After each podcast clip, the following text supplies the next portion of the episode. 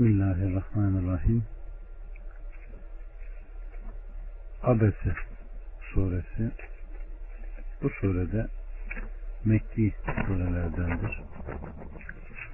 Rahman ve Rahim olan Allah'ın adıyla birden 16'ya kadar yüzünü asıp çevirdi. Kendisine ama geldi diye. Ne bilirsin belki de o temizlenecekti. Yahut öğüt alacaktı da bu kendisine fayda verecekti. Ama kendisini müstahni gören, işte sen onu karşına alıyorsun. Halbuki onun temizlenmemesinden sana ne? Ama sana koşarak gelen ki o korkar durumdadır. Sen ona aldırmıyor, oyalanıyorsun. Sakın çünkü bu bir öğüttür. Dileyen onu düşünüp öğüt alır. O çok şerefli sayfelerdedir. Yüceltilmiş ve temizlenmiştir. Katiplerin elleriyle kıymetli, saygıdeğer. Bu ayetin nuzul sebebine baktığımızda Aleyhisselatü Vesselam Efendimiz bir gün Kureyş ulularıyla konuşurken hırsla onların Müslüman olmasını istiyordu.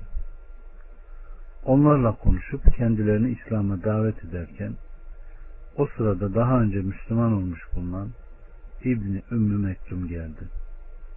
Aleyhissalatü Vesselam'a bir şey sorup sorusunda ısrar etti. Aleyhissalatü Vesselam da onun bu esnada fazla durmayıp Kureyşlerle konuşmasına imkan sağlamasını istiyordu. Maksadı o kişinin hidayete ermesiydi.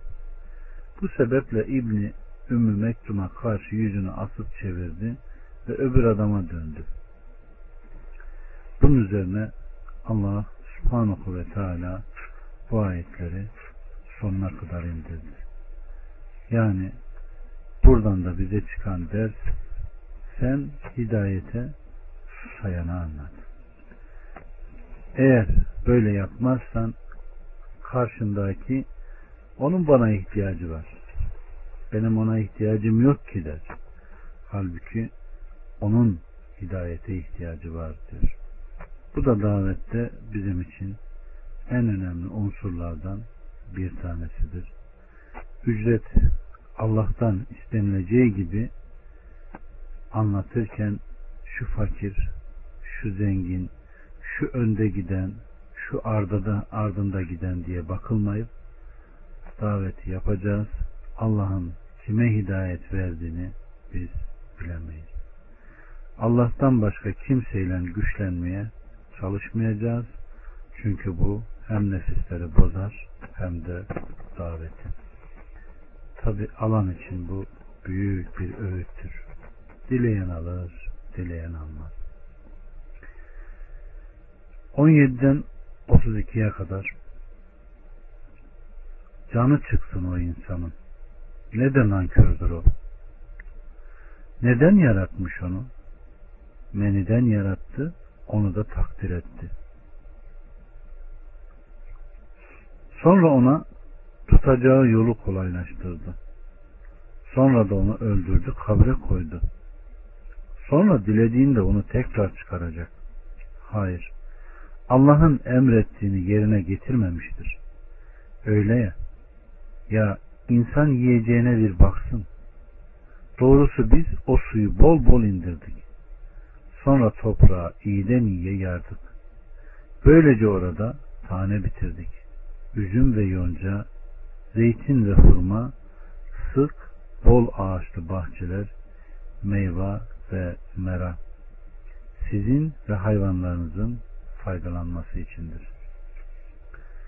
Allah subhanahu ve teala Adem oğullarından öldükten sonra dirilip haşrolmayı inkar edenleri kınayarak canı çıksın o insanın ne de nankördür diyerek verdiği bütün nimetleri bir bir sayıyor. Evet. Allah Resulü Aleyhisselatü Vesselam Efendimizin de dediği gibi toprak insanoğlunun her tarafını yer. Ancak kuyruk sokumu müstesna. O da nedir ey Allah'ın Resulü denildiğinde bu hardal tanesi gibidir ve tekrar oradan diriltileceksiniz buyurmuştur. Allah subhanahu ve teala Rabbinin verdiği bu bütün nimetleri gözünün önünde görüp dururken bizleri hamd edenlerden eylesin.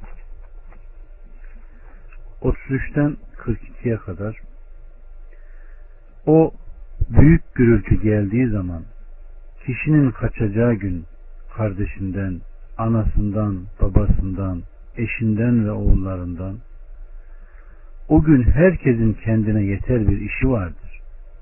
O gün yüzler vardır, parıl parıl parlar, güler, sevinçli. O gün yüzler de vardır, tozlanmış, bir karanlık bürümüştür. İşte bunlar kafirler ve facirlerdir. Evet. Allah subhanahu ve teala burada yine sura üfürülüşten kulakları sağır edecek o kıyametten bahsediyor. Ve öyle bir tablo çiziyor ki kişinin kardeşinden, anasından, babasından, eşinden, oğullarından kaçıp uzaklaşmayı istediği gün diyor.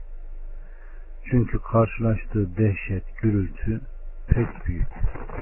Mesele çok zor ve çok önemli. Kişi karısıyla karşılaşır. Ey kadın sana nasıl kocalık yaptım? Kadın ne güzel kocaydın der ve gücü yettiğince kocasını iyilikle yad eder. Kocası kadına gördüğün halimden kurtulabilmem için bugün senden yalnızca bir iyilik etmemi istiyorum.